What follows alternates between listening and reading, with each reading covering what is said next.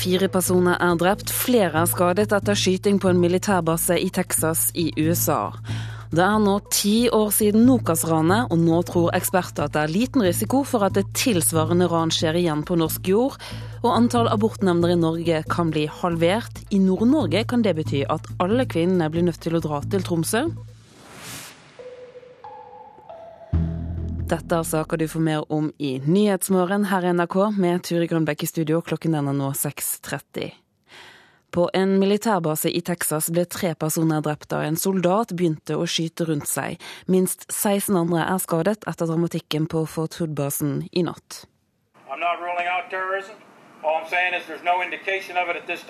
Det er ingenting som tyder på terrorisme, men etterforskningen pågår fortsatt, sier sjefen på militærbasen Mark Milley. Med halvautomatisk våpen og i kampuniform kjørte en 34 år gammel soldat rundt og skjøt inne på Fort Hood-basen i Texas i 17-tida lokaltid. De første meldingene på politiradioen tegner et bilde av åstedet med flere skadde. Folk på basen ble kommandert innendørs. Militærleiren og skoler i nærheten var sperret i fire timer før det ble gitt grønt lys om at skytedramaet var over. Uh, Soldaten skjøt seg selv da militærpolitiet fant ham. Uh, President Barack Obama sier at han er knust og motløs. Han tok en pause fra en pengeinnsamling i Chicago for å fortelle at de skal komme til bunns i hva som har skjedd. Uh, Fort Hood er ifølge egne hjemmesider en av verdens største militærbaser, med 45 000 soldater og 9000 sivilt ansatte. For fem år siden var det også en masseskyting på samme militærbase i Texas. Da ble 13 mennesker drept. Motivet for nattas skyting er fortsatt ikke kjent. Den 34-årige soldaten ble overført til Fort Hood i februar. Han er gift og har tidligere tjenestegjort i Irak. And into his background, any criminal history, psychiatric history, uh, his experiences in combat. Uh, all of the things that you would expect us to be doing are being done right now. Leirkommandanten Mark Milley antyder at soldaten hadde mentale helseproblemer. Kilder sier til amerikanske medier at det trolig var et oppgjør mellom et par soldater. Skytedramaet i Texas gjør at debatten om sikkerhet på amerikanske militærbaser igjen kommer opp. Anders Tvegård, Washington. Det har vært et nytt kraftig jordskjelv utenfor kysten nord i Chile. Skjelvet hadde en styrke på 7,8. Folk ble bedt om å evakuere. Gårsdagens skjelv med en styrke på 8,2 utløste en mindre flodbølge. Seks personer mistet livet. Opposisjonen på Stortinget truer med å stanse utbyggingsplanen for Johan Sverdrup-feltet i Nordsjøen dersom oljeselskapene ikke går inn for kraft fra land til de andre feltene i området. Den foreløpige planen gir kun kraft fra land til Johan Sverdrup-feltet. Senterpartiets Geir Pollestad sier at det ikke er godt nok når Stortinget skal behandle saken. Vi er åpne for å da eh, sette hardt mot hardt og sier at her har ikke statsråden uh, fått selskapet til å gjøre det som et flertall på Stortinget ønskte. Striden står om de fire oljefeltene på Utsirahøyden i Nordsjøen. Kjempefunnet Johan Sverdrup og de mindre feltene Gina Krog, Ivar Aasen og Edvard Grieg. Lenge lå det i kortene at alle feltene skulle få kraft fra land, men i februar presenterte Statoil og partnerne planer som kun inkluderte strømkabel ut til Johan Sverdrup-feltet. Spørsmålet om kraft til de andre feltene ble skjøvet ut i tid. Vi tror Hvis vi skyver på dette, så vil det aldri noen gang eh, bli en realitet. Det er billigere å gjøre det fra starten av. Eh, og vi må eh, så fort som mulig få kobla de ulike feltene på en elektrisk løsning. Riset bak speilet er at plan for utbygging og drift av Johan Sverdrup må gjennom Stortinget i 2015. Der kan den få et brått møte med kraft fra land-tilhengerne, som er i flertall. Arbeiderpartiets Terje Aasland garanterer å stemme nei dersom planen for Johan Sverdrup ikke inkluderer planer om kraft fra land til alle feltene i området. Selv om et nei kan påføre prosjektet både forsinkelser og ekstrakostnader.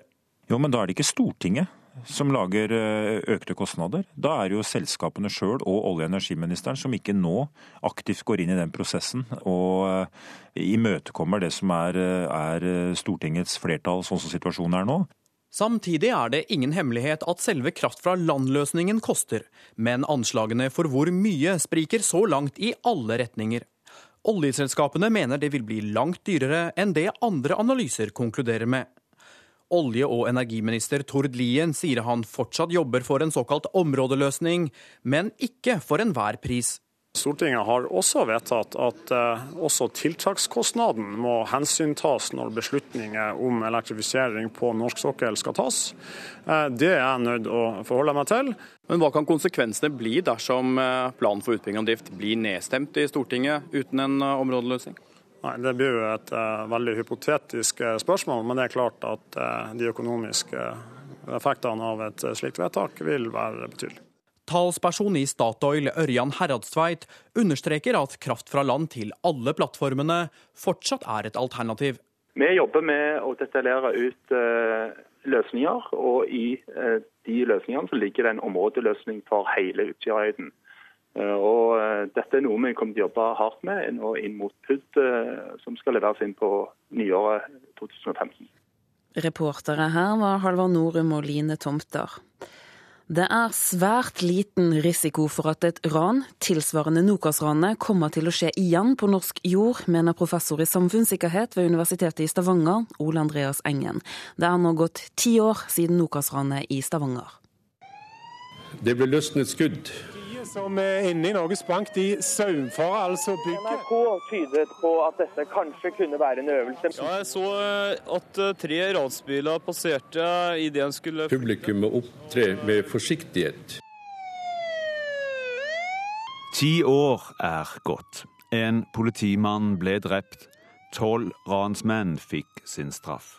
Men et tilsvarende ran kommer aldri til å skje igjen, sier professor i samfunnssikkerhet ved Universitetet i Stavanger, Ole Andreas Engen. Vi kommer aldri til å få et type Nokas igjen. Vi kommer aldri til å få en sånn type angrep. Og jeg tror heller ikke at eh, det er en veldig veldig stor risiko, for å være helt ærlig, for at eh, sånne type hendelser skjer i en norsk sammenheng.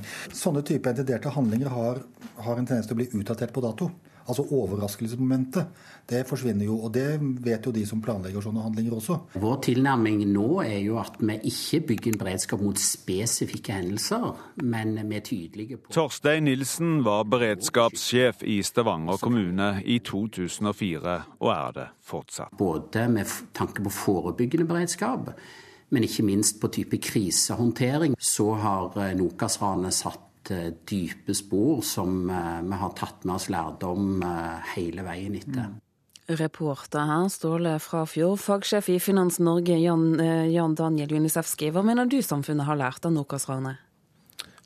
Samfunnet har lært. Er, vi mener at det er ikke bare Nokas-ranet, men andre hendelser også. Utøya, det vi ser som skjer i verdensbildet. Det har jo ført til at samfunnet den enkelte av oss, næringene, har en mye høyere sikkerhetsberedskap i dag enn det de kanskje hadde for noen år siden. Men samtidig så må det sies at verken NSM eller PST er fornøyd med nivået vi er på. De vil gjerne at vi skal være enda bedre. Men vi har et, et helt klart og vedvarende fokus på å opprettholde sikkerheten.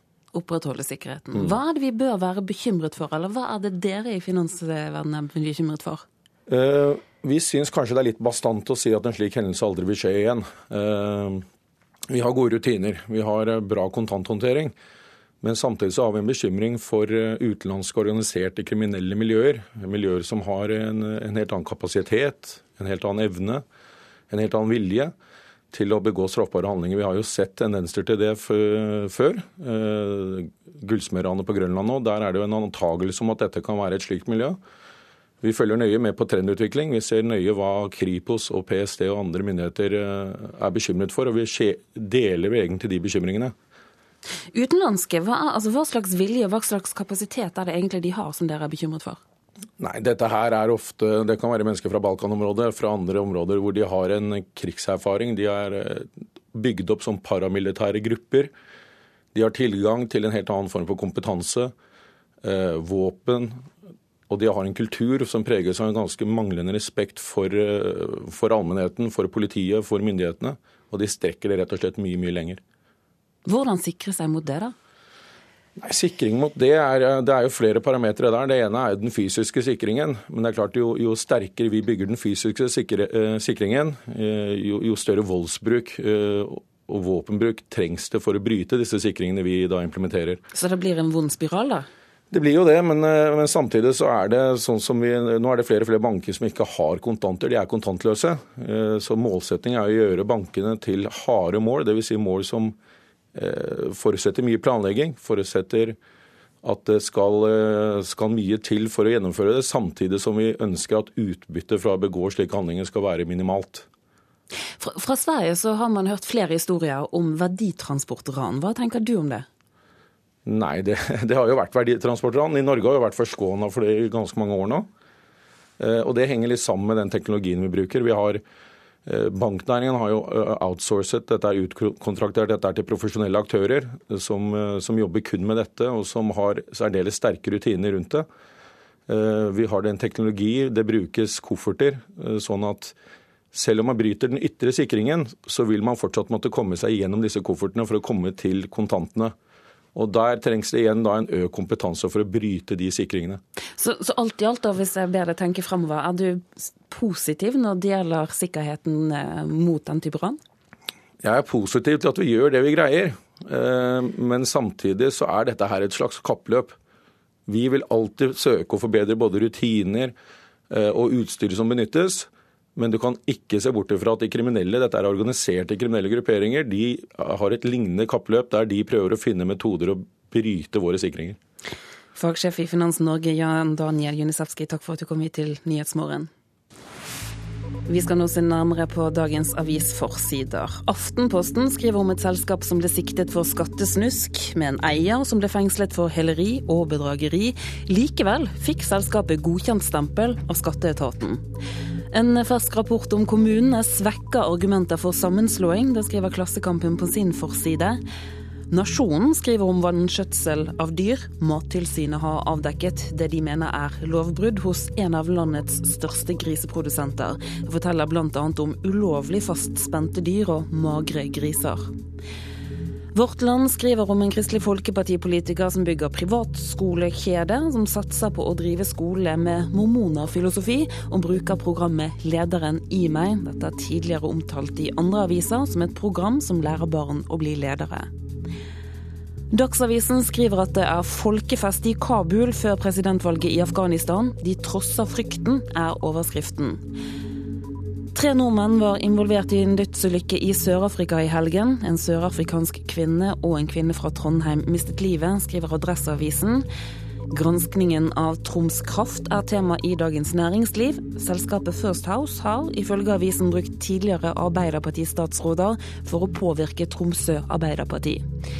Bråk om en rapport om Bybanen i Bergen er toppoppslaget i Bergens Tidende, mens eh, Mette-Marit hylles på forsiden av både VG og Dagbladet for at hun har gått ut og snakket åpent om farens alkoholproblemer. Nå får vi revansje fra i fjor, det sier Vålerenga-spiller Erik Follestad Johansen, som ble matchvinner da Vålerenga slo Storhamar 2-1 i den sjuende og avgjørende semifinalen i går kveld. Dermed er Vålerenga klare for NM-finale mot Stavanger Oilers, og det at det er nettopp er Oilers som er motstander i finalen, synes Follestad Johansen er bra. Nei, Det er gøy, det vi får revansje fra i fjor, da. Etter gårsdagens knepende seier får Vålerenga sjansen til å revansjere forrige sesongs finaletap mot nettopp Stavanger Oilers. Allerede i morgen spilles den første finalekampen på Jordal, og gårsdagens matchvinner er klar til ny dyst. Nå er det bare å rulle på. Det er, det er det her vi, vi, lever for, og vi elsker å spille sluttspill. og Da kan vi like gjerne bare kjøre på med en gang. Vi vant seriefinalen, og det sitter sikkert kanskje litt i bakhodet på Stavanger, men, men det blir noe helt annet. Uh, sluttspill er sluttspill. Vålerenga-trener Espen Sjampo Knutsen mener seieren over Storhamar var fullt fortjent, og han er ikke overrasket over at finalemotstanderen kommer fra Stavanger. Nei, Det var forventa, egentlig. Uh, litt overrasket. Det ble sju matcher der egentlig òg, men uh, Stavanger er et bra hockeylag, og de kommer til å bli tøffe i finalen, men vi gleder oss. Vi har litt å revansjere fra i fjor. Storhamars veteran Pål Johnsen skåret Hamarklubbens eneste mål.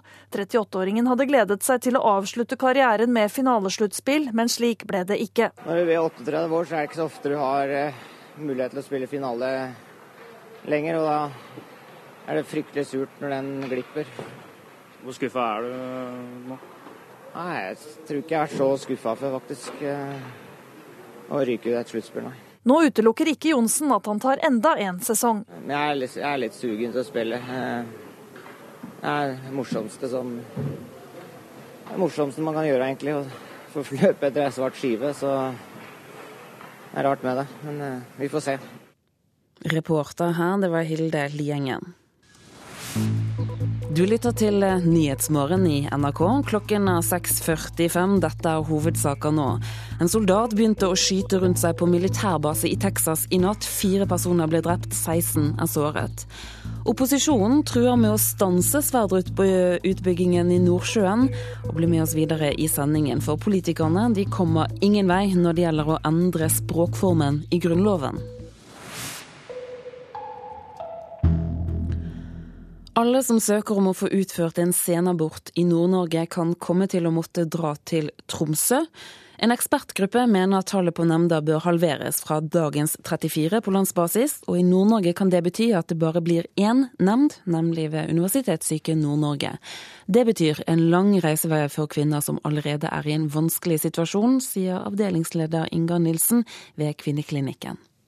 Det blir veldig store avstander. Det kan være fra Sandnessjøen i sør til Kirkenes i, i nordøst. Men det, det, er klart, de får lang reisevei, det blir mer omstendelig. og Mange gjør dette litt i si, skjult og, og diskré. Og, og, det blir ikke fullt så lett å gjøre det så diskré når du må kanskje være, reise helt til Tromsø for å få det her gjort. Dersom ei kvinne ønsker å få fjerna fosteret etter tolvte veke av svangerskapet, lyt hun søke ei nemnd om å få utført seinaborten. Ei ekspertgruppe har foreslått å halvere tallet på nemndene for de 34 som i dag finnes på landsbasis. Forslaget vil innebære at det bare blir én nemnd i Nord-Norge, mener Ingard Nilsen, som er nemndleder ved sykehuset i Tromsø. Da vil vi få mest sannsynlig alle nemndbehandlinger fra hele Nord-Norge. Og det blir ca. en fordobling av det vi, i forhold til det vi har i dag. Altså rundt 50-60 i året. Jeg tror at flere vil velge å også få utført aborten hos oss. Helsedirektoratet har nå fått i oppgave å vurdere om det er mulig å kutte ned på nemndene. Da sier avdelingsdirektør Ellen Margrethe Karlsen i Helsedirektoratet. Altså Fordelene ved færre nemnder er jo at man får, en, altså man får flere saker. sånn at det er klart at dette er saker som er vanskelige, og det vil være, man vil da få en større kompetanse på å gjøre vurderinger. Det vil være fordelen. Ulempen vil jo være at, no, at kvinner måtte reise, måtte reise. Men vi vet jo ikke om det blir færre. Reportere Stine Hommedal og Pia Tøhaug. Den 24 år gamle mannen som fikk livstruende skader etter en gassulykke på en hytte i Hokksund i Buskerud, har nå våknet fra koma. Det sier 24-åringens mor til Drammens Tidende. Mannen er nå under rehabilitering. Ulykken skjedde i slutten av mars. En 31 år gammel kvinne og hennes 7 år gamle, gamle sønn døde. Kvinnens datter på 9 år ligger fortsatt på sykehus. 24-åringen er venn av den omkomne kvinnen, og politiet mener ulykken skyldes feil på propanutstyret. I en tomannsbolig på Byåsen i Trondheim driver menigheten Salem et litt spesielt kollektiv. Det siste halvåret har de opprettet flere bofellesskap der tidligere ungdomskriminelle bor sammen med studenter som er medlemmer i menigheten. Det lukter kylling på kjøkkenet i kollektivet på Byåsen i Trondheim. Her bor det tre NTNU-studenter og én som måtte droppe ut av studiene. Hyggelig. Så hyggelig. Yes. Har du kokkeerfaring? Både og. Mamma er kokk. Så det har holdt på med baking og matlaging da siden jeg var liten, egentlig. Men det er ikke bare matlaging Edvard Røde har holdt mye på med. Den 20 år gamle brønnøyværingen har hatt alvorlige rusproblemer helt siden ungdomsskolen. Jeg starta jo med alkohol. Da, i, jeg, som sagt, jeg kommer fra en småby. Og der alkohol er veldig utbredt. da, Veldig tidlig. Jeg starta jo samtidig som alle andre. Sånn, eller klassen min er i sånn 7.-8. klasse og begynte å drikke da. og så det jo litt ting da som skjedde. da, Mamma og pappa skilte seg. Ganske brutal skilsmisse. og Mye styr og liten by med mye rykter. Og så fant jeg ut at det det ruset var en grei måte å slippe unna ting på. da. Det var også kult for oss som på en måte ikke egentlig kommer i kontakt med de folka til vanlig. Få lov til å bli kjent med Edvard. Det er jo det er gøy, da. Ja. Daniel Telle er aktiv i menigheten Salem, som driver kontaktsenteret 22B. Sammen med Henning Mæle, som eier huset, ønsker han å skape et hjem med mer fellesskap enn å bare dele kjøkken. Bo med mening.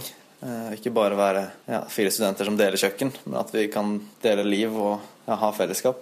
Det siste halve året har kontaktsenteret 22B oppretta flere kollektiv, hvor ungdommer som prøver å komme seg ut av rus eller kriminalitet, får bo sammen med ungdommer fra menigheten. Da skjønte vi at yes, det her har vi lyst til å prøve.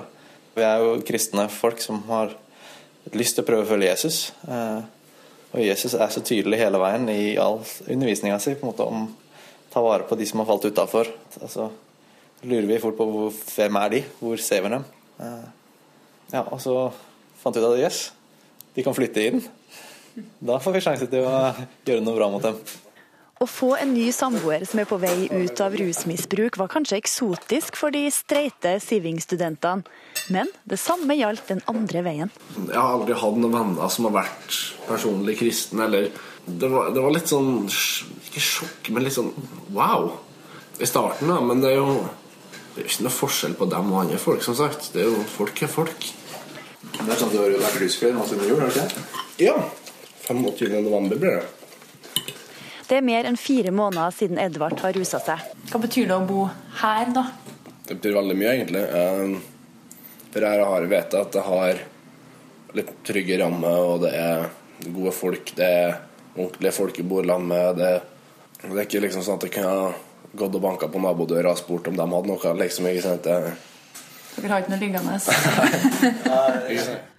Reporter her, Randi Lillealdan. Det går nå mot fullt nederlag for nesten alle parter i kampen om modernisering i grunnlovsspråket. Ingen av forslagene får to tredjedels flertall i Stortinget. Dermed så er det Venstre og Kristelig Folkeparti som ikke ønsker noen endring, som går av med seieren. Flest eh, trenger Grunnloven, og da må vi jo forstå hva som står der. Grunnloven er helt grunnleggende for demokratiet og grunnleggende for et levende folkestyre. Per Olaf Lundteigen og resten av de rød-grønne partiene vil stemme for en moderne bokmålsversjon, i tillegg til en nynorskutgave av Grunnloven, i Stortinget 6. mai. Fremskrittspartiet holder på en mellomløsning, en moderat modernisering av språket.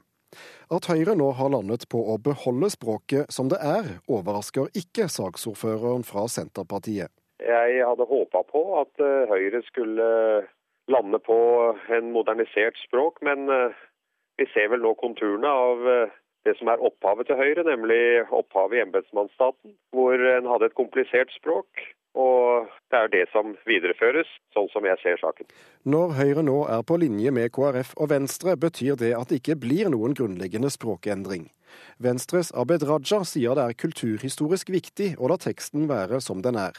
Jeg er veldig glad for at vi får eh, beholdt eh, eidsvollenes minne, som eh, ikke bare skriver seg i de paragrafene som eksisterer i dag, helt tilbake til 1814, men også det språket som altså ligger nærmest 1814. Og Det er et stykke norgeshistorie som jeg er veldig godt fornøyd med at blir videreført i vår grunnlov.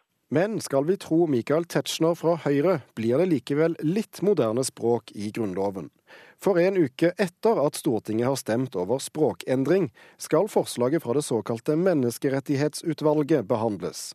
Der vil endringer i innholdet også endre språket, sier Tetzschner. Utvalget har foreslått eh, en del oppstramming, omredigering og ikke minst strykning, som gjør at eh, de mest alderdommelige og upraktiske og uvirksomme bestemmelsene i Grunnloven blir overført til eh, historien.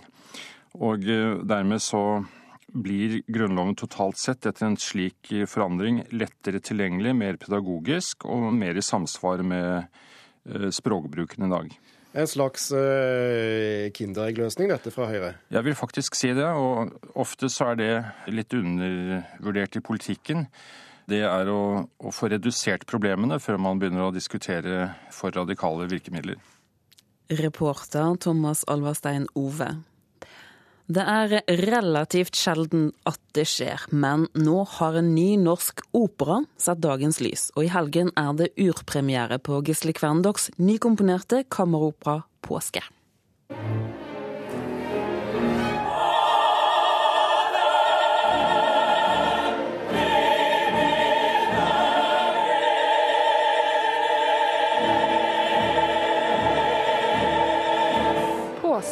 Tittelen på kammeroperaen komponist Gisle Kverndokk og librettist Aksel Otto Bull har jobba med til og fra i fem år. Operaen er basert på August Strindbergs skuespill 'Påsk'. Musikken henter inspirasjon fra Josef Haydns 'Jesus sju siste ord på korset', og disse setningene veves inn og synges av et kommenterende kor.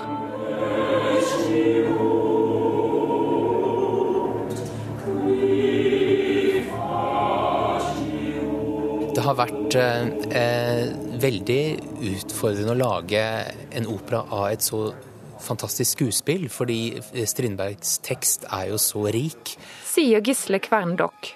Så vi har jo forelsket oss i hvert ord Strindberg har skrevet, men eh, det er jo opplagt at man skal skrive en opera, så må man kutte. Så det har vært en stor utfordring å kutte mye flott tekst og omarbeide det.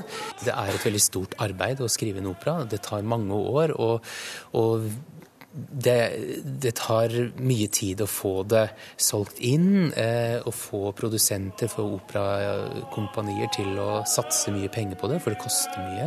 Så, så det koster mye på alle plan.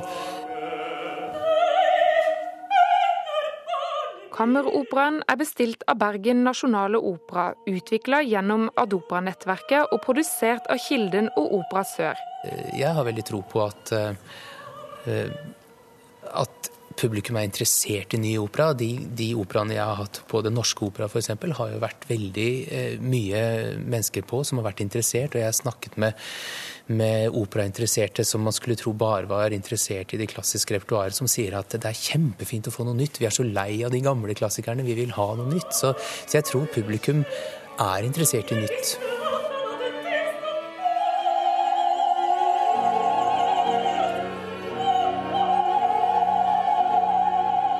Reporter her, det var Miriam Grov.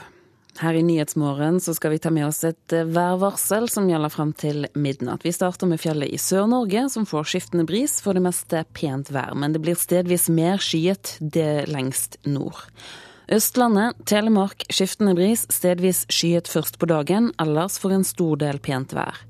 Agder østlig bris, til dels frisk bris vest for Oksøy i ettermiddag og for det meste pent vær. Rogaland, Hordaland skiftende bris, i kveld østlig opp til frisk bris på kysten sør for Obrestad og pent vær. Sogn og Fjordane og Møre og Romsdal får skiftende bris. Fra Stad og nordover nordøstlig frisk bris på kysten. Stedvis skyet først på dagen og ellers pent vær.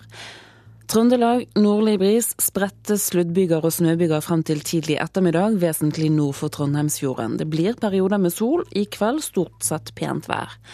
Nordland nordvestlig bris, i morgentimene til dels liten kuling i Lofoten og Vesterålen. Skiftende skydekke. Snøbyger og sluddbyger, særlig i ytre strøk. Fra i ettermiddag minkende bygeaktivitet først i sør, og i kveld til dels pent vær i sør. Troms nordvestlig frisk bris på kysten, sted skyet eller delvis skyet og snøbyger. Finnmark nordlig opp til liten kuling på kysten. I ettermiddag dreiende nordvest, på vidda rolige vindforhold. Skyet eller delvis skyet, snøbyger særlig i ytre strøk i vest. Og Norensjøland på Spitsbergen nordvestlig bris, enkelte snøbyger langs kysten i vest. Ellers stort sett pent vær.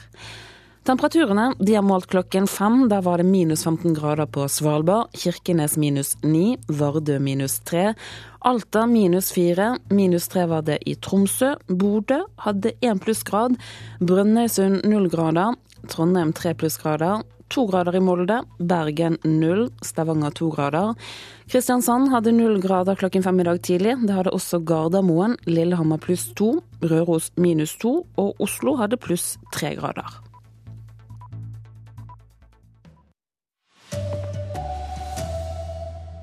Folk har rømt heimene sine etter enda et kraftig jordskjelv utenfor Chile i natt. Offentlig ansatte bør få større lønnsvekst enn det industriarbeiderne fikk i går, mener lederen i Unio. Her er NRK Dagsnytt klokka sju. Chilenske og peruanske styresmakter har beordra evakuering av kystområder i Nord-Chile og Peru etter et nytt kraftig jordskjelv.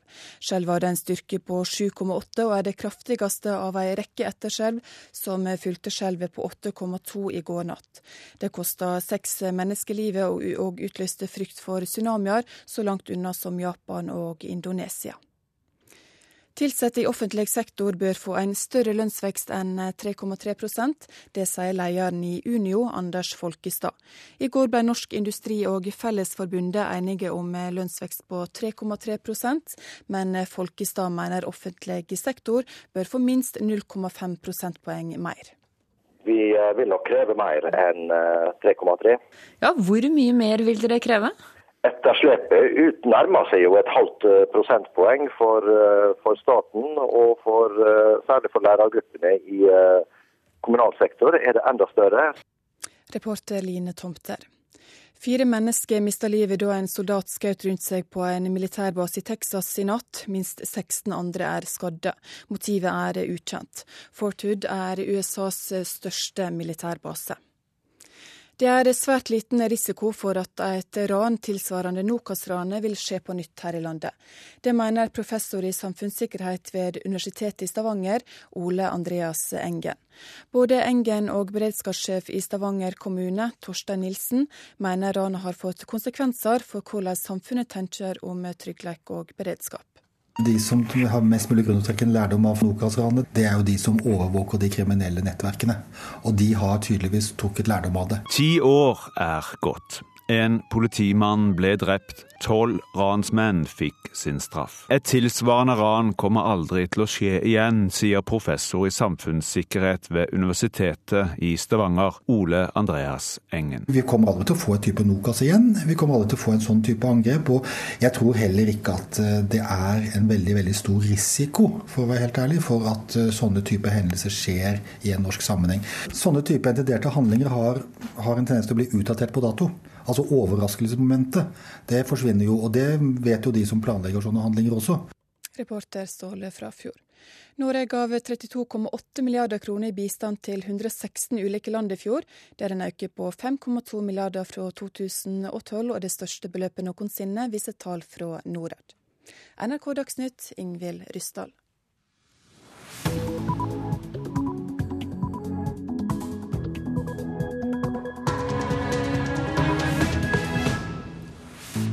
Og Nyhetsmorgen fortsetter nå. Vi skal bl.a. til Afghanistan, der Osama bin Ladens gamle mentor er en av kandidatene når afghanerne skal velge ny president.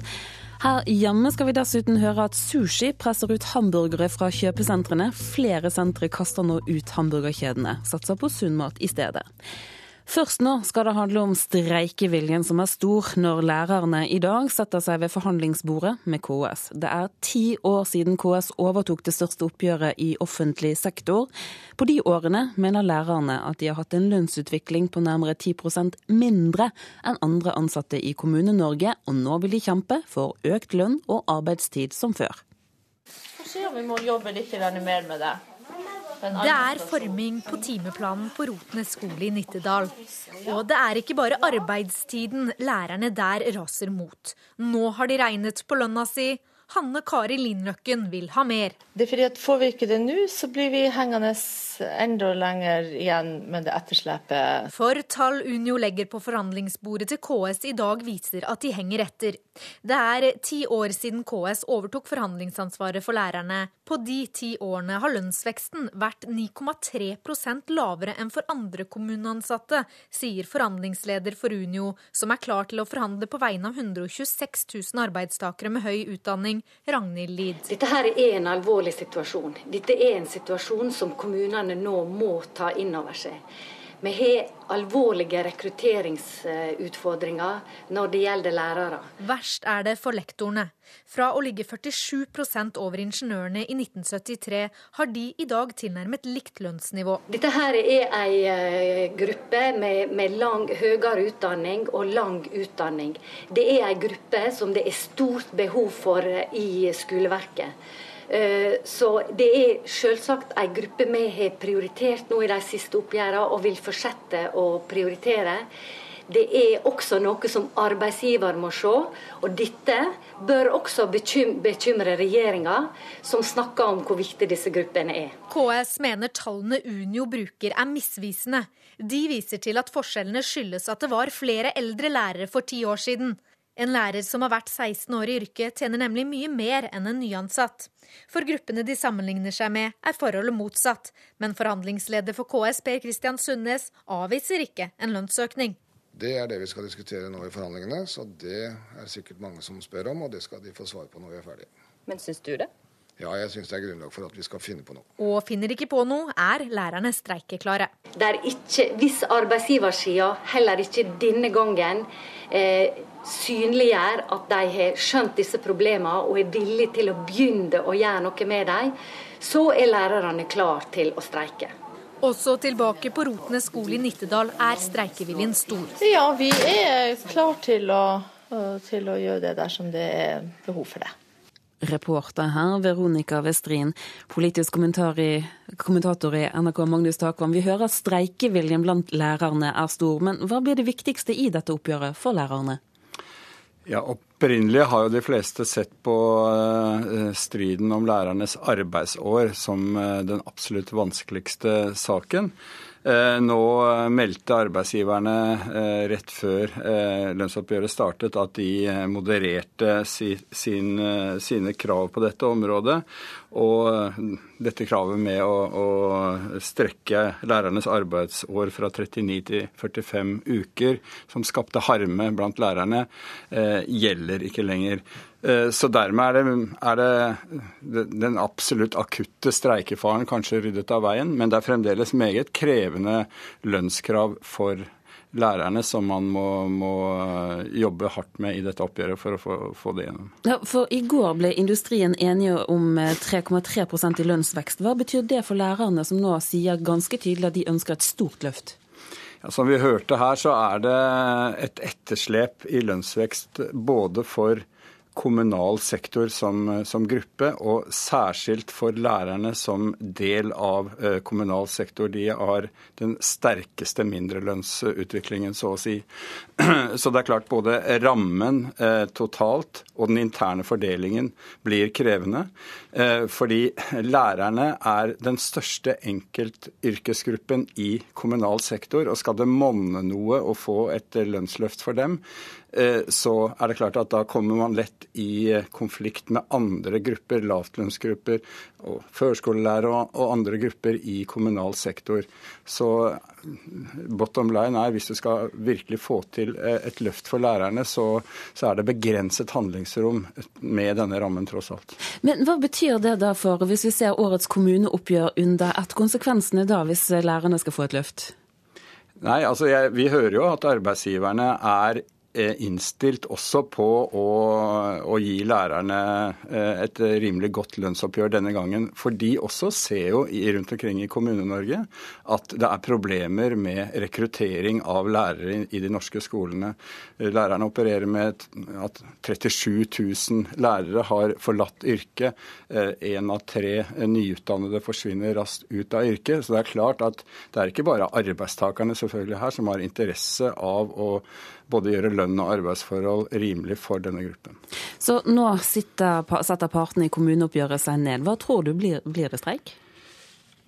I og med at denne konflikten om lærernes arbeidsår ser ut til å ha blitt mer eller mindre ryddet av veien, så er jo streikefaren atskillig mindre.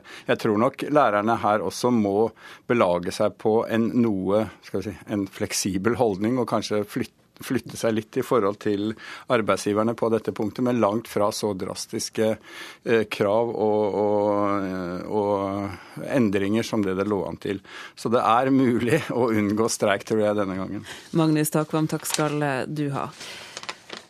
Ansatte i offentlig sektor bør få minst 0,5 prosentpoeng mer i lønnsvekst enn frontfaget. Det sier Unio-lederen Anders Folkestad, som vi hørte. I går ble Norsk Industri og Fellesforbundet enige om en lønnsvekst på 3,3% for frontfaget. Unio kommer til å kreve mer for sine medlemmer. Vi eh, vil nok kreve mer enn 3,3. Eh, ja, Hvor mye mer vil dere kreve? Etterslepet nærmer seg jo et halvt eh, prosentpoeng for, for for, særlig for lærergruppene i kommunal sektor er det enda større. I går ble streik avverget i det såkalte frontfaget, som inkluderer store deler av industrien. 19 timer på overtid ble partene enige om en lønnsvekst på 3,3% Leder i Fellesforbundet, Arve Bakke, er tilfreds med det resultatet. Ja, det er jeg fornøyd med. Jeg er fornøyd med den ramma som det ble, og jeg er fornøyd med måten vi har brukt økonomien på. På forhånd hadde leder i Norsk Industri, Stein Lier Hansen, uttalt at de kun var villige til å gi 2% Likevel er også han fornøyd. For dette viser at vi er i en bane nå hvor lønnsutviklingen går nedover i Norge, selv om det er langt igjen til vi har et nivå som konkurrentene har. I dag starter oppgjøret for kommunalt ansatte, og om noen dager er statsoppgjøret i gang. Unio har høyt utdannede medlemmer i både stat og kommune. Folkestad vil ikke nevne 4 %-tallet, men understreker at særlig lærerne skal ha minst 0,5 prosentpoeng mer enn frontfaget. Men Det er et eh, bra grunnlag for eh, forhandlingene videre. Men skal frontfaget være troverdig, så, eh, så må vi også inkludere forventningene som ligger til resten av industrien. Og det har pleid å være høyere enn det første tallet som blir eh, servert. Reporter her, Line Tomter. Du lytter til eh, Nyhetsmorgen. Akkurat nå så er dette hovedsakene våre. Lærerne er streikeklare. De mener at de på ti år har fått 10% mindre lønnsøkning enn andre kommuneansatte. I USA er fire personer drept og flere skadet etter skyting på en militærbase i Texas. Bli med oss videre i sendingen, for det er nå spent i Afghanistan før presidentvalget i helgen. Vi skal straks se nærmere på hvem som egentlig er aktuelle til å ta over ansvaret for å lede afghanerne. Situasjonen for de syriske flyktningene blir verre og verre. I Libanon har de nå tatt imot over én million. Hjelpeapparatet er i ferd med å svikte. FN har ikke penger til å hjelpe alle, og det har ført til fortvilte handlinger blant flyktningene. Mariam al-Kauli er trebarnsmor og flyktning fra Syria. Nå ligger hun i ei sykehusseng i Libanon og kan så vidt røre på leppene inni alle bandasjene. Mariam har tent på seg sjøl. Hun har brannsår på 70% av kroppen. Legen kan ennå ikke garantere at hun vil overleve. Jeg ba bare om mat og drikke, vi var så sultne, forklarer Mariam. Det vesle som er udekka bandasjer, er opphovna og ille tilreia.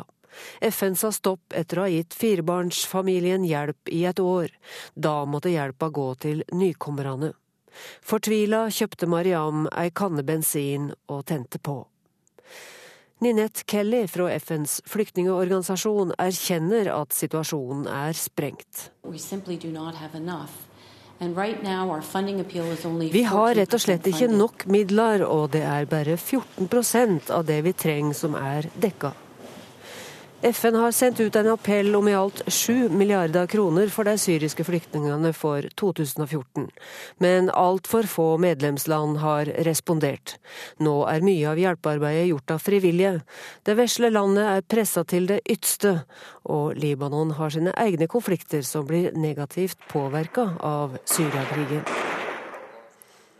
Krigen har nå gått inn i sitt fjerde år. Ifølge FN er det minst 2,5 millioner flyktninger. Nabolandet har tatt imot de fleste, og altså Libanon aller flest. Det sa reporter Sigrun Slapgard. Vi skal til Afghanistan nå, for etter 13 år ved makten så trer Hamid Karzai til side, og landet skal velge ny president. Abdullah Abdullah og Ashraf Ghani er noen av favorittene. Blant visepresidentkandidatene så er det flere berømte i hermetegn krigsherrer. Frilansjournalist Anders Mohammed, du er med oss nå fra Øst-Afghanistan. Hvordan har valgkampinnspurten i Afghanistan vært? Det har vært en veldig dramatisk blodig innspurt her. Eh, de siste ukene så har vi sett en rekke selvmordsangrep og attentater. Og også større skuddvekslinger. Altså det har vært gjestehus for utlendinger og, og restauranter og hotell som har blitt stormet av opprøret. De har gjort det de kun, kan for å skremme folk, og det har de virkelig fått til. er veldig spent her nå. Folk er veldig urolige og venter at det skal komme enda flere angrep de neste dagene. Så Hvordan er egentlig da sikkerhetssituasjonen? Den er, den er dårlig, og det har den vært lenge. Men det har blitt mye dårligere nå den siste måneden. Eh, det er helt klart at opprørerne bevisst går inn for å skape mest mulig uro. Og det er også ikke bare dem som gjør det. Det er, det er også kan, uh, politikere som skaper problemer for hverandre. Når jeg har reist rundt i Afghanistan, så er det mange som snakker om at man må ikke tro at det bare er opprørerne som står bak disse angrepene. Det er også politiske fiender som nå prøver å bekjempe hverandre. Så Det er veldig uoversiktlig, og det eneste som er helt klart, er at det er veldig usikkert. Uh, man gjorde et anslag i forkant av valget at man kunne vente rundt 25% mer vold enn det man vanligvis har på denne tiden. Eh, og Det vi ser nå, er at det har vært en god del mer enn det. Det har vært spesielt mye uro i hovedstaden Kabul. Der vi senest i går hadde et stort selvmordsangrep utenfor Innenriksdepartementet, der seks mennesker ble drept. Hammer, det er litt dårlig linje til deg, fra, men vi tar sjansen på å spørre likevel. Hvem ligger nå best an til å bli Afghanistans neste president? Ja, Det skal være valg her da på lørdag. Eh, det er en første valgrunde. Hvis noen av kandidatene får mer enn 50% så vinner de valget. Eh, det er Ashraf Ghani som ligger best an, men det er ingen som tror at han kommer til å få over 50% så mest sannsynlig til å gå til en ny valgrunde en gang i løpet av våren eller sommeren. Og Da er det Ashraf Ghani og Abdullah Abdullah som ligger best an, slik meningsmålingene viser nå. Kristian Berg Harpviken, du er direktør ved Institutt for fredsforskning. Hvem tror du er de mest aktuelle presidentkandidatene? Nei, Det er ganske klart at det er tre kandidater som står igjen, og alle har vært nevnt her. Den ene er eh, Abdullah Abdullah, som tapte mot eh, Karzai i 2005, eller faktisk trakk seg fra andre valgomgang. Nei, 2009, beklager. Den andre er eh, Ashraf Ghani, verdensbankbyråkrat, som har jobbet i Afghanistan nå i mange år. Ehm, og den tredje er eh, Salma Rasul, som er Karzais egen favoritt. Som har vært eh, utenriksminister i Karzai-regjeringen fram til han trakk seg for å kunne stille i valgkampen. Og som eh, vel ligger også godt an. Er det store forskjeller på disse kandidatene, og hva de står for? Nei, Det har vel vært noe av frustrasjonen i denne valgkampen, at ingen klarer helt å se forskjellene. Det har vært veldig mye snakk om bl.a. Spørsmål om forhandlinger med Taliban. Det har vært ganske stort fokus. Eh, Afghanistan har jo nå fått veldig aktive media, så kandidatene blir for en gangs skyld kjørt ganske tøft i valgkampen. Det har vært mange spørsmål om kvinner og kvinners rettigheter. Mange har vært skuffet over alle disse tre kandidatene når det gjelder akkurat det. Og selv om Salma Rasul også har en kvinne som, sin, eh, som en av sine to eh, visepresidentkandidater, så er jo det selvfølgelig en skuffelse for veldig mange, og ikke minst for mange av de mer vestlig orienterte i Afghanistan som hadde håpet at noen av gevinstene fra de siste 12-13 årene skal henge i. Så hører vi dette da bl.a. mentoren til Osama bin Laden er en av kandidatene. Hva slags rolle spiller krigsherren i det som skjer nå? Krigsherrene spiller en veldig sentral rolle, og f.eks. da Ashraf Ghani, som er på mange måter Vestens favoritt, 20 år bak seg i Verdensbanken, doktorgrad i antropologi fra John Hopkins universitet i USA, han valgte da en av de verste krigsherrene tenkelig, nemlig Rashid Dostum, som sin visepresidentkandidat. Han måtte umiddelbart gå inn og renske opp på hjemmesidene sine, for der sto det, det hva han hadde tenkt om Rashid Dostum og sagt om Rashid Dostum historisk. Rashid Dostum har da gått ut med en beklagelse for alle som har litt under krigen. Det er kanskje en litt lunken beklagelse, men det er den eh, tross alt den eh, mest eh, åpenhjertige beklagelsen noen av de gamle krigsherrene har begått. Og det vi ser her, er jo at alle danner seg team som gjør at de kan få en bred stemmebase. Og de danner seg team med folk eh, fra alle de forskjellige etniske folkegruppene. Så hører vi Anders Sømmerhammer fortelle at det er mye uro, det er mye frykt. Er det grunn til å tro at folk nå støtter opp og møter opp for å stemme? Både ja og nei. Eh, nei fordi at frykten er enorm, og i mange steder vil det være behefta med så stor eh, risiko å gå til stemmeurnene at folk vil nok holde seg hjemme. Det er et problem for valget, for det betyr at særlig i de områdene der Taliban står sterkt, så vil valgoppslutningen bli dårlig, og rommet for fusk bli enda større. Men på tross av det så ser vi vel en helt annen entusiasme mot, rundt valget enn noen kunne tenke seg. Det er intense diskusjoner. Eh, folk som journalister snakker med, sier at ja, vi veit det er farlig, men jammen skal vi stemme, for dette dreier seg om Afghanistans fremtid. Jeg veit til og med at det er fusk, men jeg kommer til å stemme likevel, for i hvert fall veit jeg da at den stemma jeg gir, den er en rettmessig stemme til den kandidaten jeg tror på. Så det kan bli et demokratisk valg, eller? Det kommer til å bli et valg med veldig mye rufs. Eh, og det er ingen som lenger snakker om et fritt og rettferdig valg, som jo er det begrepet man vanligvis bruker internasjonalt. Så her er det man håper på, at valget blir godt nok til at folk har en viss eh, Eh, viss tro på det resultatet som kommer opp, at man får på plass en kandidat, og antagelig da, som Sømme Hammer sier, først etter en annen valgrunde, en kandidat som eh, kan klare å holde landet samlet og gi det en retning fremover. Kristian Berg Harpviken, takk for at du kom hit til eh, Nyhetsmorgen. Søndagens valg i Ungarn kan gi nye fire år med høyremakt. Ifølge den siste ukens meningsmålinger så ligger partiet til den kontroversielle statsministeren Viktor Orban an til å få rundt 49% av stemmene. Alliansen av tre partier på venstresiden ligger nå på rundt 30% Statsministeren er blitt omtalt både som despot og hyllet som landets redningsmann. Det hvite hus sier de er skuffet over det de kaller lite hjelpsomme utspill fra både israelere og palestinere. Midt i de amerikanskledede fredsforhandlingene har Israel kunngjort at de vil bygge enda flere boliger på okkupert palestinsk jord. Palestinerne har søkt om medlemskap i flere FN-organisasjoner. De har lenge sagt at de vil søke internasjonal anerkjennelse dersom det ikke er fremgang i fredsprosessen og Israel fortsetter boligbyggingen på okkupert område. En talsmann for Det hvite hus sier at de likevel tror på en diplomatisk løsning. Svært få gjestearbeidere i fiskeindustrien kommer til tuberkulosesjekk når Nordlandssykehuset kaller dem inn. I Vesterålen møtte kun 16 av 60 innkalte opp. I Norge er antallet tuberkulosetilfeller fordoblet de siste årene. Folkehelseinstituttet ser svært alvorlig på at undersøkelsene ikke blir gjennomført. Jeg syns at det er alvorlig. Det sier overlege Trude Margrethe Arnesen, som har ansvaret for infeksjonsovervåkinga ved Folkehelseinstituttet. Fordi at det er kanskje den viktigste måten vi kan eh, få ned antallet tuberkulosetilfeller i Norge på. Det tar bare tre minutter å gjennomlyse lungene ved en vanlig røntgenundersøkelse. Kommer du fra et land med mye tuberkulose, har du dessuten plikt til å la deg undersøke og i fjor oppdaga de norske sykehusene 408 tilfeller av sykdommen. Det er en dobling siden 1996. Vi mener det er veldig viktig å undersøke eh, personer som skal oppholde seg over tre måneder i Norge, som kommer fra land hvor eh, tuberkulose forekommer hyppig. Både for å, eh, at de skal få den behandlingen som de trenger, og for å forhindre smitte innad i Norge. Uh, I'm from Poland. Uh, I'm from Greece. I fjor vinter jobba om lag 5500 utlendinger i fiskeriindustrien dersom man holder oppdrettsnæringa utenfor. De aller fleste var fra Øst-Europa, viser tall fra SSB.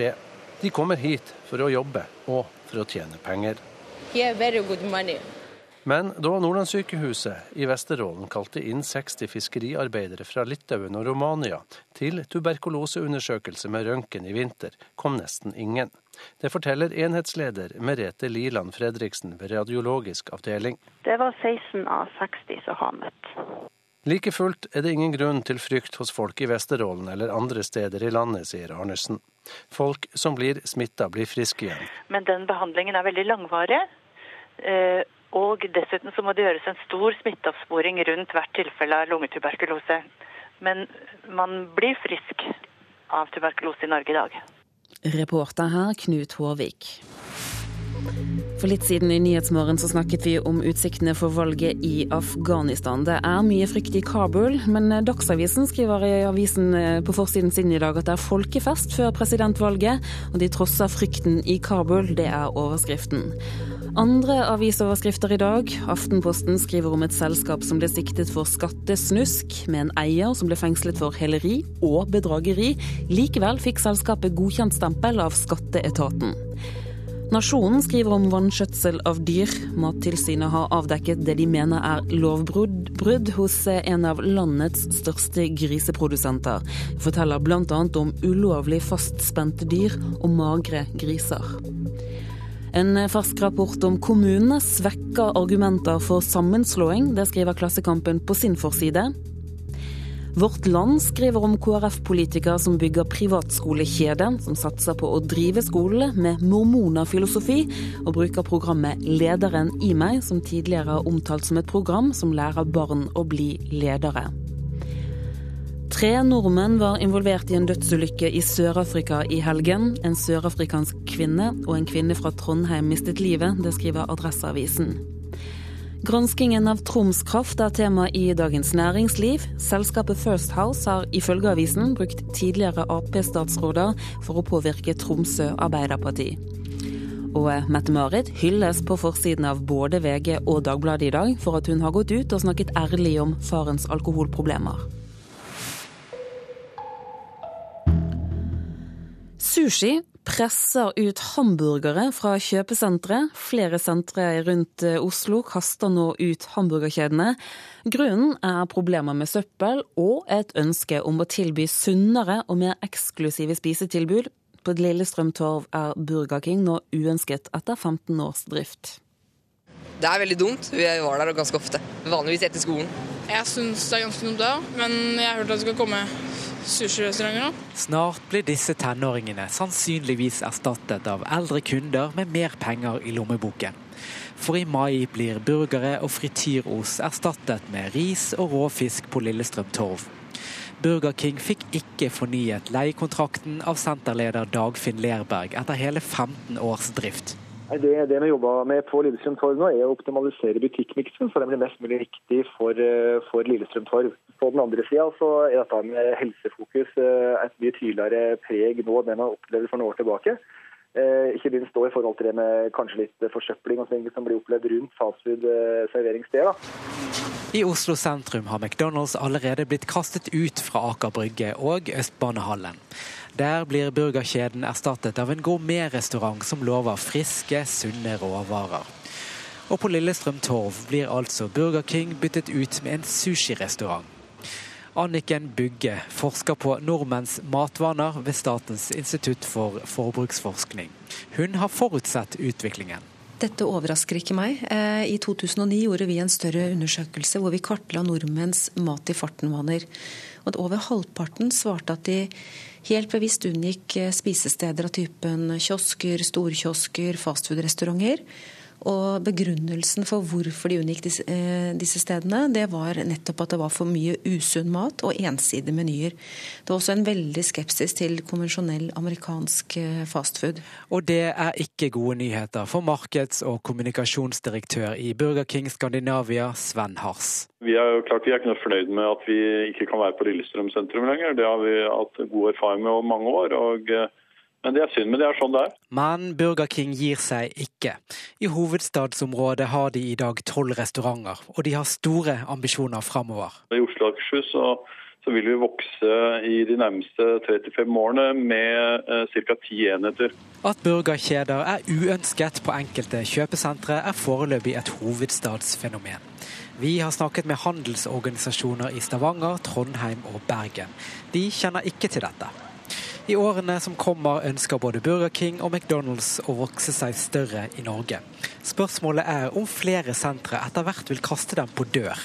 SIFO-forsker Anniken Bugge understreker at burgerbransjen jobber hardt for å følge med i tiden. Det er jo også tydelig gjennom reklame og produktutvikling at de har fått med seg forbrukertrendene. De fokuserer mye på at det er eh, rent norsk storfekjøtt, eh, at det er mye grønnsaker. De tilbyr sunnere versjoner av sine menyer. Men på den annen side, det er mange som eh, gir uttrykk for at de er skeptiske til disse amerikanske fastfood-kjedene. Og det handler ikke bare om maten, men også hele konseptet og det, den spisekulturen da, som folk gjerne omtaler det som, som den trekker med seg. Og reporter her, det var Dan Tring. Du lytter til Nyhetsmorgen. Det er Kari Bekken Larsen som er produsent i dag. Her i studio, Turi Grønbekk, gjør vi oss klar for Dagsnytt.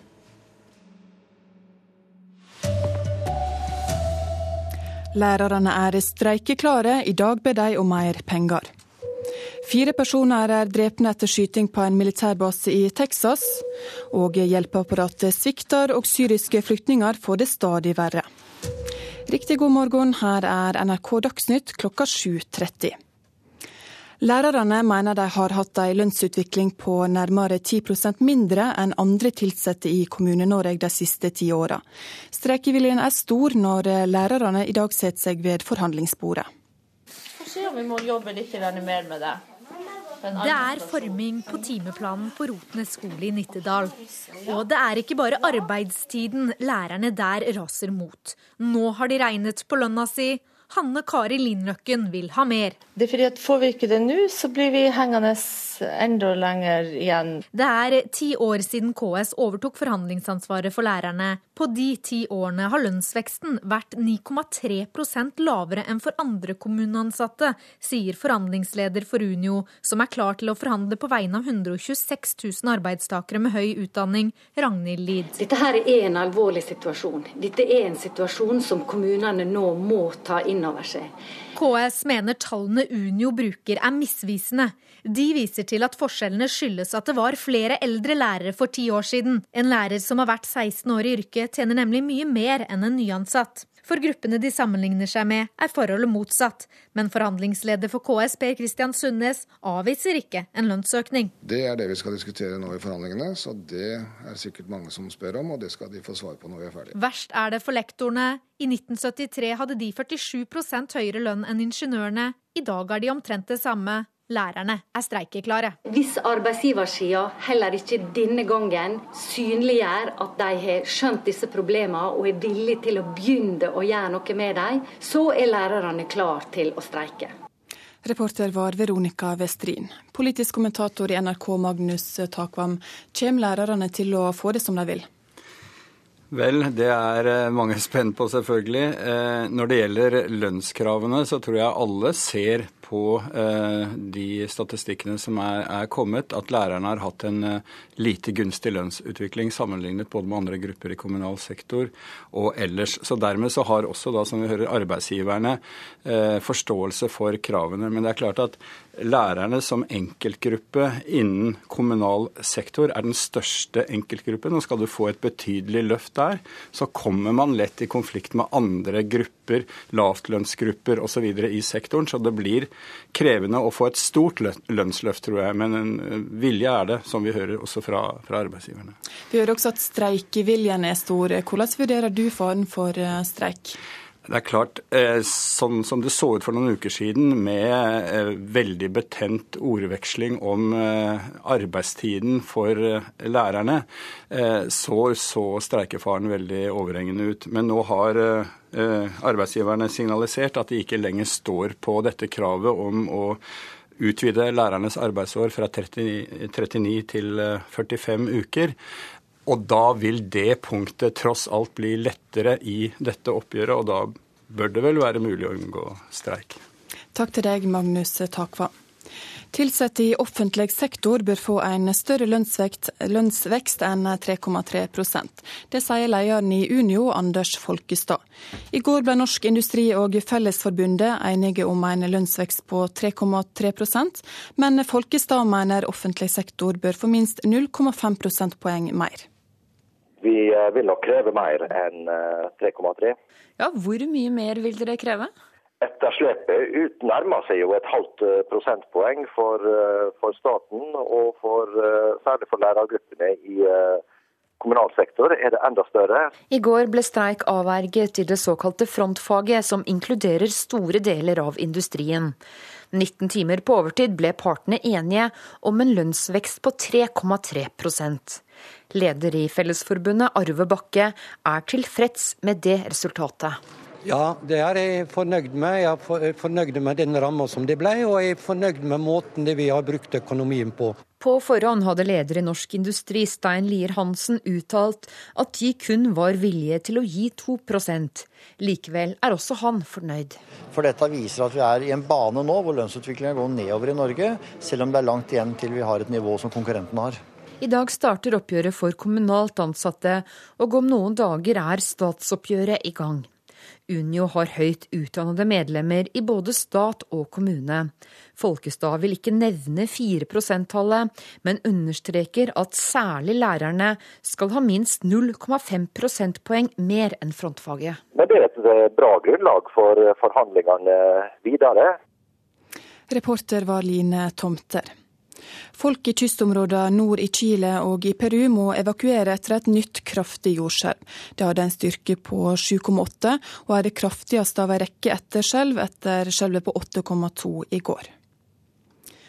Fire mennesker mista livet da en soldat skjøt rundt seg på en militærbase i Texas. Minst 16 andre er skadde etter dramatikken i natt. Det er ingenting som tyder på terrorisme, men etterforskningen pågår fortsatt, sier sjefen på militærbasen Mark Milley.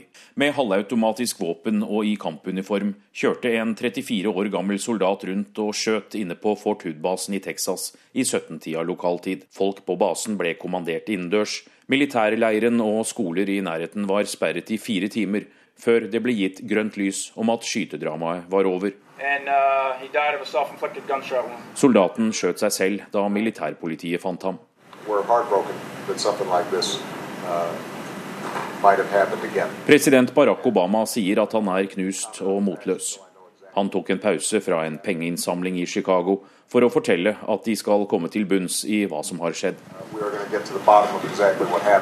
Fort Hood er en av verdens største militærbaser. For fem år siden var det også en masseskyting på samme militærbase i Texas. Da ble 13 mennesker drept. Motivet for nattas skyting er fortsatt ikke kjent. Den 34-årige soldaten ble overført til Fort Hood i februar. Han er gift og har tidligere tjenestegjort i Irak. Leirkommandanten Mark Milley antyder at soldaten hadde mentale helseproblemer. Det sa USA-korrespondent Anders Tvegård. Syriske flyktninger får det stadig verre. I Libanon har de nå tatt imot over én million, men FN har ikke lenger penger til å hjelpe alle. Mariam al-Kauli er trebarnsmor og flyktning fra Syria. Nå ligger hun i ei sykehusseng i Libanon og kan så vidt røre på leppene inni alle bandasjene. Mariam har tent på seg sjøl. Hun har brannsår på 70% av kroppen. Legen kan ennå ikke garantere at hun vil overleve. Jeg ba bare om mat og drikke, vi var så sultne, forklarer Mariam. Det vesle som er udekka bandasjer, er opphovna og ille tilreia. FN sa stopp etter å ha gitt firebarnsfamilien hjelp i et år. Da måtte hjelpa gå til nykommerne. Fortvila kjøpte Mariam ei kanne bensin og tente på. Ninette Kelly fra FNs flyktningeorganisasjon erkjenner at situasjonen er sprengt.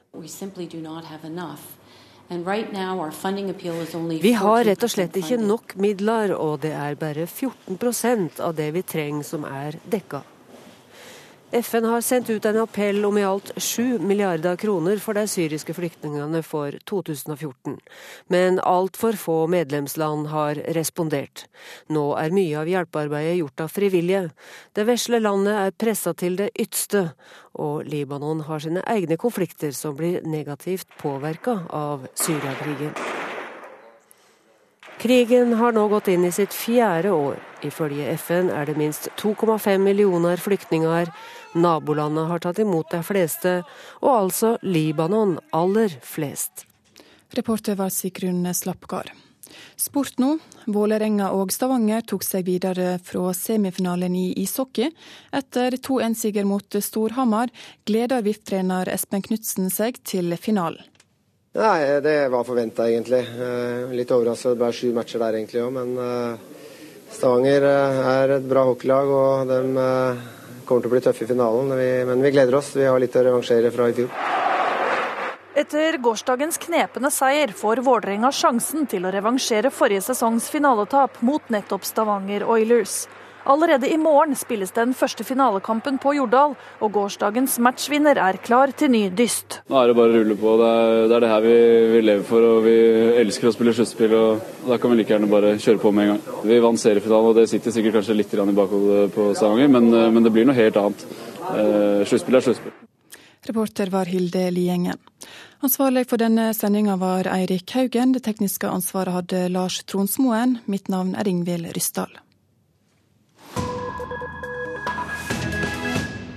Nyhetsmorgen fortsetter nå, og vi skal til Polen de neste minuttene og møte en prest med et litt annet bibelvers og en litt annen rytme. Han heter Jakob Bartsak, og for å få polsk ungdom til å stille åpne spørsmål om Gud, bruker den katolske presten en litt annen arena enn kirkens prekestol.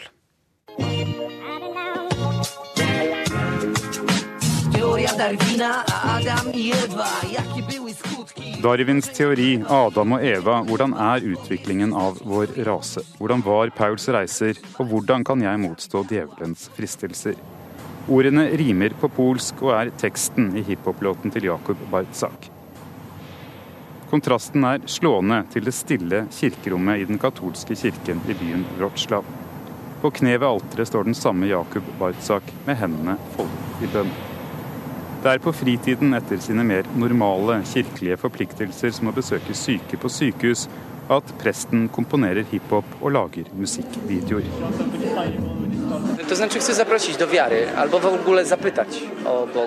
Jeg ønsker å invitere folk til ganske enkelt å begynne å spørre om Gud. Ofte søker unge mennesker etter verdier i livet. Ofte har de ikke tid eller mulighet til å stille spørsmålene. Musikken min er ikke veldig dyptsøkende men den kan mobilisere folk til å ta et første skritt, som å sette noen spørsmålstegn eller finne en mulig vei videre, sier Barca.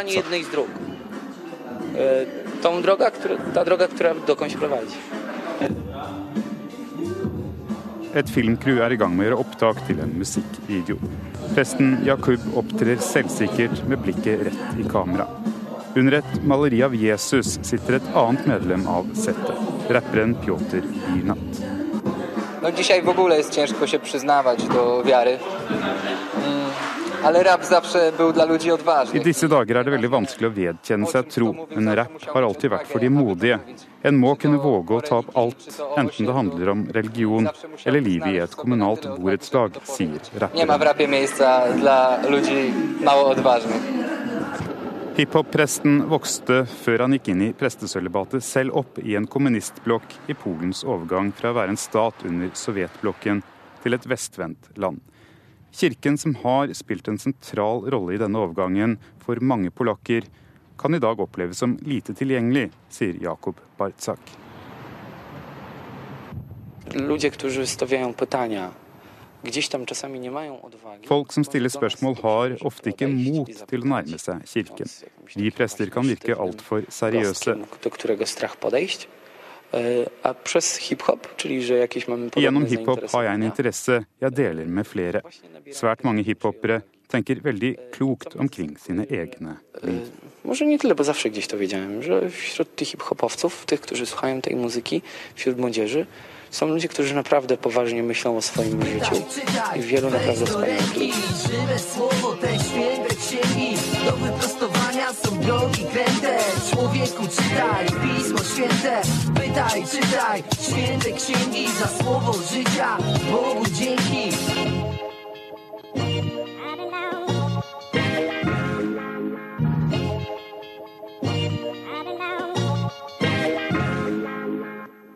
Og reporter her, det var vår utenriksmedarbeider Philip Lofte. Og du lytter til Nyhetsmorgen i NRK P2 og Alltid nyheter. Vi skal straks gjøre oss klar for eh, Politisk kvarter, men aller først så minner vi om hovedsakene i dag. Lærerne er streikeklare og mener at de på ti år har fått 10% mindre lønnsøkning enn andre kommuneansatte. I USA har fire personer mistet livet. Flere er dessuten skadet etter skyting på en militærbase i Texas. Syriske flyktninger får det verre og verre. Hjelpeapparatet svikter. Nå har flyktningetallet eh, i Libanon passert én million. Og norske politikere får rett og slett ikke til å bli enige om å endre språkformen i Grunnloven. Litt over klokken åtte så skal vi forsøke å komme nærmere et svar på hvorfor det er slik at det er så vanskelig for Stortinget å komme til en bred enighet. Det skjer i Kulturnytt, som starter klokken 8.03 her i Nyhetsmorgen. Men eh, nå aller først så skal vi gjøre oss klar for Politisk kvarter. Bjørn Myklebust er straks klar.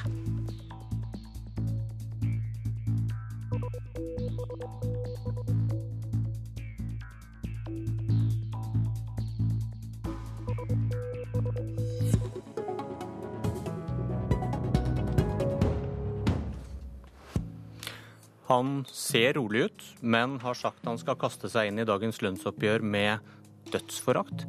Hun ser også rolig ut, men de to har en ganske ulik oppfatning av hva de kommuneansatte bør få i lommeboka.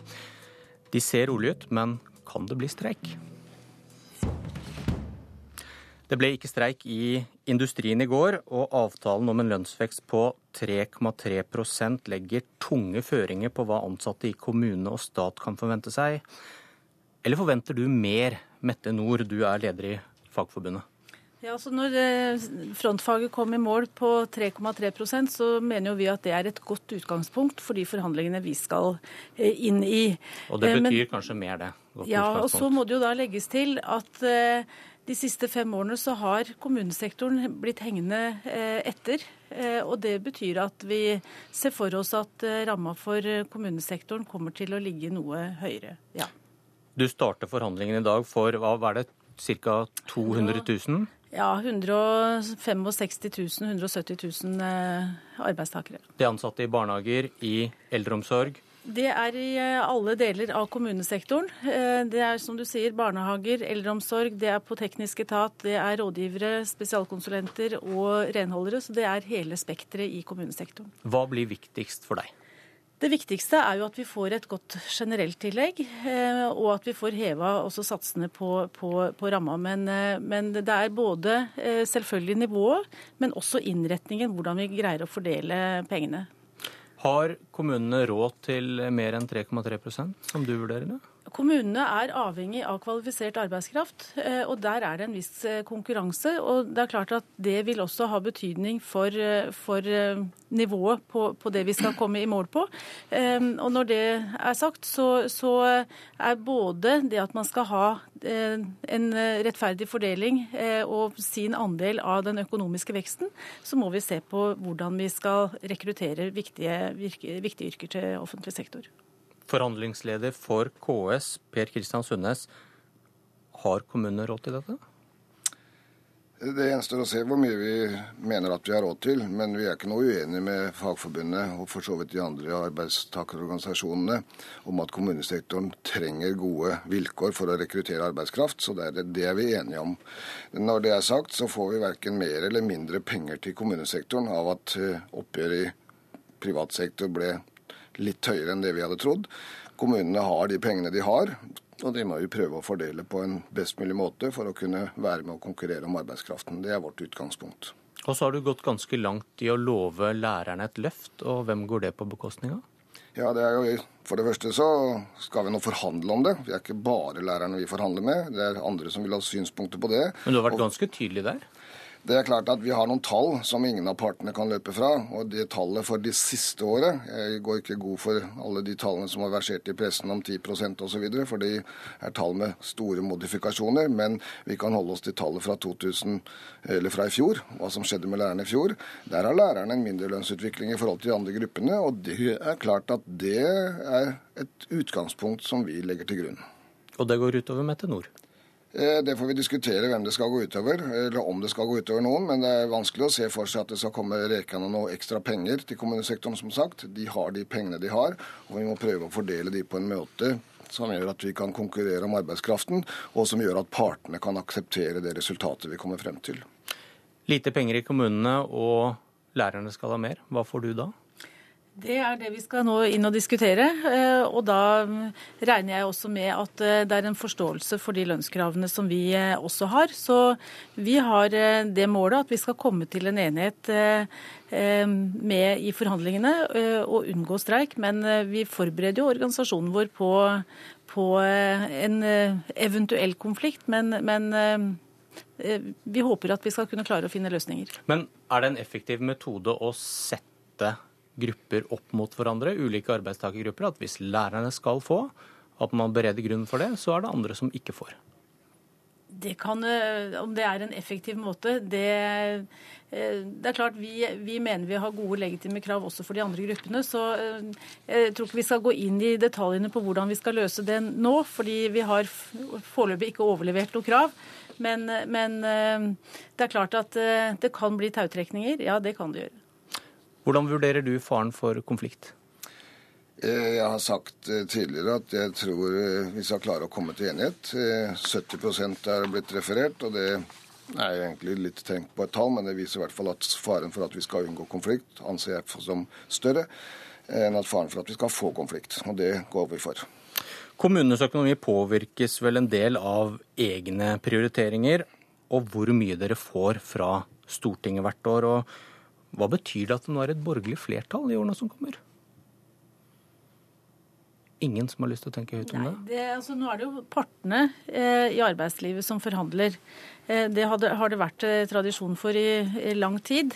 Eh, og det vil det selvfølgelig også være framover. Men det han klager på, er mengden penger han har å dele ut. Og det påvirkes vel av hva det er flertall for på Stortinget over tid? Nå ligger det en, et anslag i, i, statsbudsjettet på 3,5% for kommunesektoren. Så, så om det ligger over eller under hva det var tidligere, det Eh, men det er det, det, tallet som ligger inne. Så får vi jo se hvor, eh, om det er det tallet som holder, eller om eh, man må over. Men eh, det vil jo tiden vise om stortingsflertallet har betydning for hva man avsetter til den type forhandlinger. Hva tenker du om det, Sundnes? Ikke så veldig mye annerledes enn det Mette Nord tenker om det. Det gjenstår å se hva den neste regjeringen kommer til å legge frem av statsbudsjettall på kommunesektoren.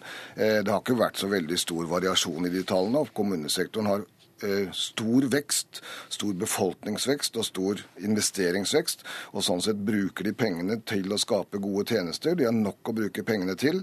Eh, de trenger mer penger, mer penger enn det de får. Og den situasjonen tror jeg ikke det kommer til å bli noen stor endring på i årene som kommer. Dere starter i dag og skal være ferdig? Målet er å være ferdig 1. mai. Takk for at dere kom.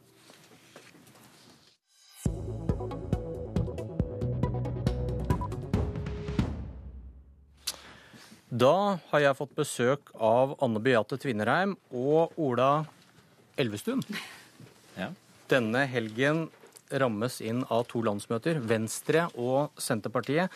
To sentrumspartier som kanskje står lenger fra hverandre enn noen gang. Anne Beate Tvinnereim fra Senterpartiet, som på mandag skal kjempe for å bli nestleder. Er du like opptatt av å kjempe for å finne mer felles grunn med Venstre fremover? Ja, jeg tror eh, det ligger godt til rette for et uh, tett samarbeid med, både med Venstre og KrF i uh, regjering nå. Må huske det at uh, på, på, mange vis så er vi på samme sted nå som det vi var, som det vi var før, før Bondevik 1 alle sentrumspartiene Ja, ikke så lenge siden eh, i et politisk perspektiv. Eh, da satt alle sentrumspartiene i eh, opposisjon og har mulighet for å snakke sammen uformelt og formelt i Stortinget om de sakene som, som ligger på bordet. Så jeg har jo tro på at vi kan dyrke fram de felles sentrumsverdiene mm, som vi deler, i de årene som kommer. Men er du enig i påstanden at dere står lenger fra hverandre politisk nå enn på lenge? Nei. Det vil alltid være eh, enkeltsaker hvor vi er eh, uenige. Men eh, f.eks. i klimapolitikken, som jeg vet eh, Ola er veldig opptatt av, så opplever jeg at Senterpartiet og Venstre deler eh, veldig mye tankegods. Eh, samtidig så er det andre deler av miljøpol eh, miljøpolitikken hvor vi står lenger fra hverandre. F.eks. innenfor vern, hvor vi i Senterpartiet er mer har gummistøvlene på, har kanskje et litt mer jordnær, jordnær tilnærming til miljøpolitikken Venstre. Men innenfor miljøfeltet miljø, eh, eh, så opplever jeg at vi har eh, veldig mye felles, og veldig mye felles å kjempe om. Ola Elvestuen, nestleder i Venstre. Hvorfor mener du at den politiske avstanden har økt mellom dere to? Ja, nå er nok, Når vi skal inn i et landsmøte i Venstre, så har nok vårt utgangspunkt at vi, vi gjorde et godt valg i fjor høst. Vi sitter nå i en betydelig maktposisjon. og Det det handler om nå i årene framover, også en landsmøte, er jo å bruke den posisjonen for å gi gjennomslag for egen politikk. Vi har en uh, samarbeidsavtale med regjeringen, og vi er nå en del av et uh, felles borgerlig flertall som må sette rammene for de neste fire årene. Ikke minst for å få en bedre eh, klimapolitikk, som vi mener jo at den forrige regjeringen ikke var, var god nok på. Og så er det det er jo en historisk Du har noen fellestrekk blant eh, sentrumspartiene, enten det er synet på frivillighet, en, eh, en pragmatisme når det gjelder offentlig eh, privat. at du har også disse gamle, også for så vidt innenfor noe av miljøpolitikken. Men vi syns nok at eh, Senterpartiet i den eh, rød-grønne regjeringen nok har beveget seg veldig langt eh, til venstre. En ganske dogmatisk forhold både til, til organisering av det offentlige. Man har beveget seg til venstre i forhold til det vi Senterpartiet vi kjente for flere tiår tilbake. Og så blir dere anklaget for å bevege dere mot høyre, men er det ja, da nikket Vindreim for de som hører på radio. Men er, er, dette en konsekvens av hvem man samarbeider med? Hvor man går, hvor, hvordan man beveger partiet politisk? For det trenger vel ikke være en selvfølgelighet? Ja, på mange måter så tror jeg vi kan se en parallell ja, mellom den situasjonen Venstre er i nå, den situasjonen Senterpartiet var i i 2005. For vi skal huske det at Senterpartiets valg i 2005 baserte seg på at vi hadde opplevd da eh, fire år med en eh, eh Høyre-regjering, eh, altså Bondevik-regjering, der eh, kommunene var sultefòra, der landbruket var sultefòra.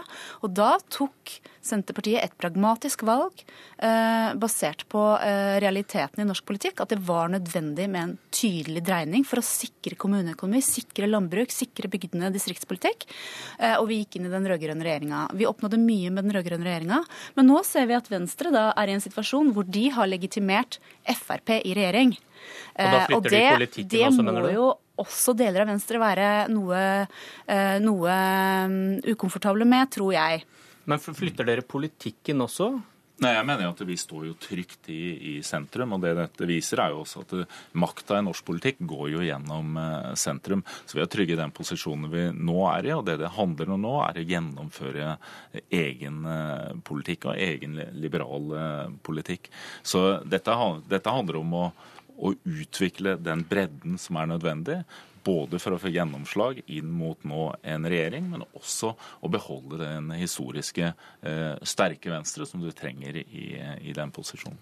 Dere har åpnet regjeringsdøra for hvert deres fløyparti. Blir det, blir det mer eller mindre sentrumspolitikk av slikt over tid?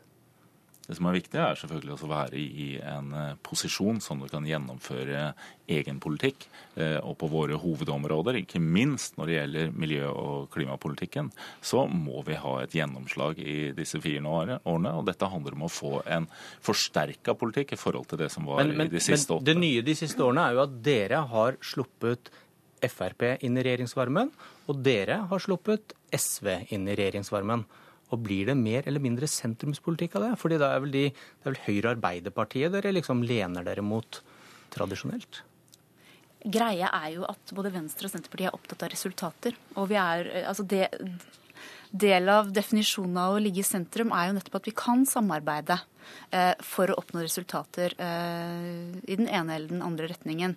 Men jeg mener jo at det nå ligger til rette for utstrakt samarbeid i sentrum i eh, Stortinget. Og eh, jeg må jo si at jeg er veldig oppmuntra av av de, noe av det vi har sett fra, fra Olas parti eh, den siste tida, eh, med en eh, ny og større stortingsgruppe fra Venstre, hvor man f.eks. har vært enig med Senterpartiet i ostetollsaken, i forhold til jordvern, eh, en interpellasjon om, om sidemann om nynorsk nylig, så jeg. Du får øye på bygdevenstre igjen? Jeg får øye på bygdevenstre igjen, og jeg har god tro på at vi skal kunne snakke sammen.